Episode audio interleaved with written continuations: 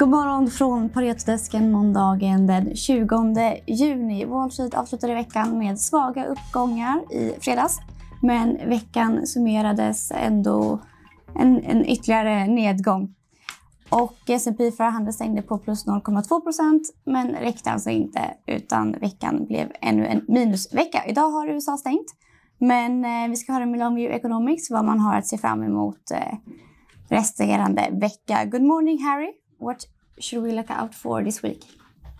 Yeah, well, I mean, it's a relatively quiet week. Um, there are one or two pieces of, of, of, key data that's worth watching. I mean, I think Thursday is going to be interesting. We get the market, uh, manufacturing and service sector PMIs for a bunch of countries. These are all sort of first estimates for June. So, um, you know, we've got Germany, the Eurozone, the US, um, a, a, a, number of other European countries um, apart from Germany as well. IFO out on on on Friday in Europe, um, and then I think you know in the US, of course, we've got a market holiday today, um, but then existing home sales tomorrow.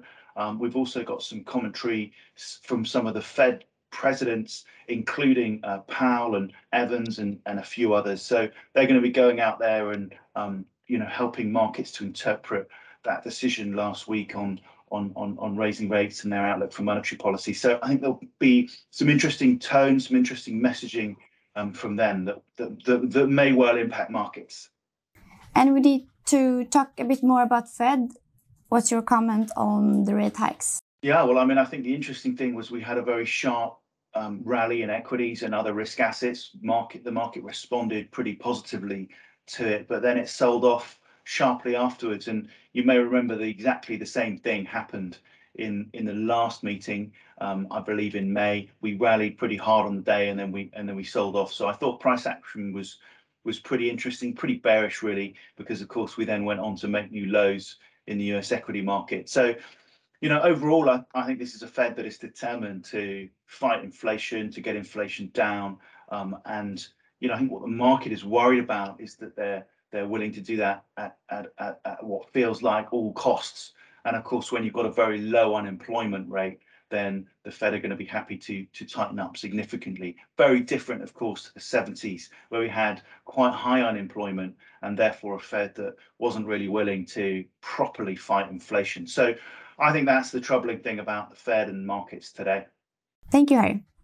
Ja, och här i Sverige har vi fått en viss varning från Husqvarna som menar att efterfrågan är stark men att komponensbristen komponentsbristen begränsar produktionen och att eh, rörelsemarginalen under Q2 kommer påverkas av den ogynnsamma produktmixen med låg försäljning av robotgräsklippare och hög försäljning av åkgräsklippare.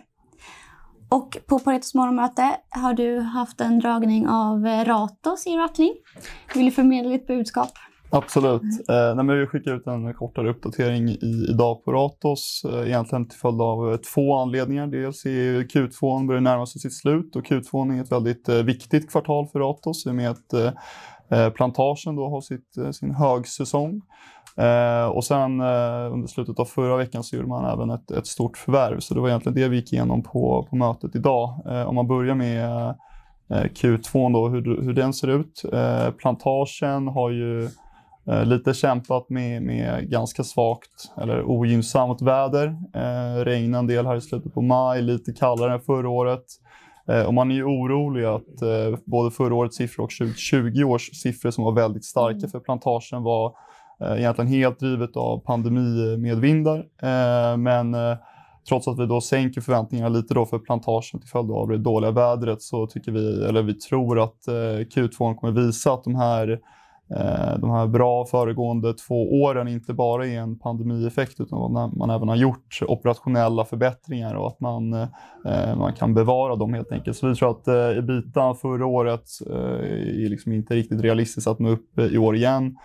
Men jag tror ändå att man kan hålla ungefär i nivå med 2020 vilket hade varit sett historiskt liksom ett väldigt starkt år också. Så man ska inte oroa sig för mycket över, över, över plantagen.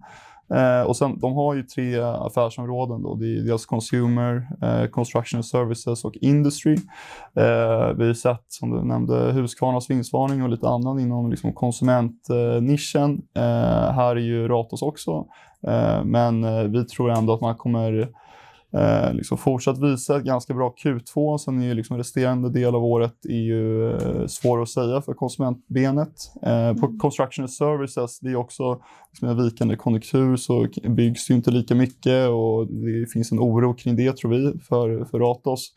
Eh, Men här har man ju bolag som, som Hent till exempel som har mycket mot offentlig sektor. Man har en väldigt stark orderbok så vi tror att man ändå kan, kan bygga på den.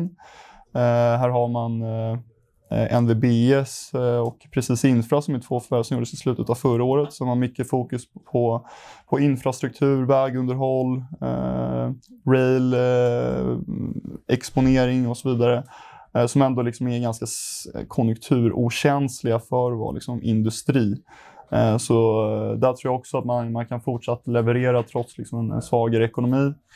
Eh, Så det var väl liksom inför Q2 och, och eh, resten av året så ser det bra ut tycker vi. Mm. Eh, och sen på, som jag nämnde, förra veckans förvärv här av ett företag som heter Nitec.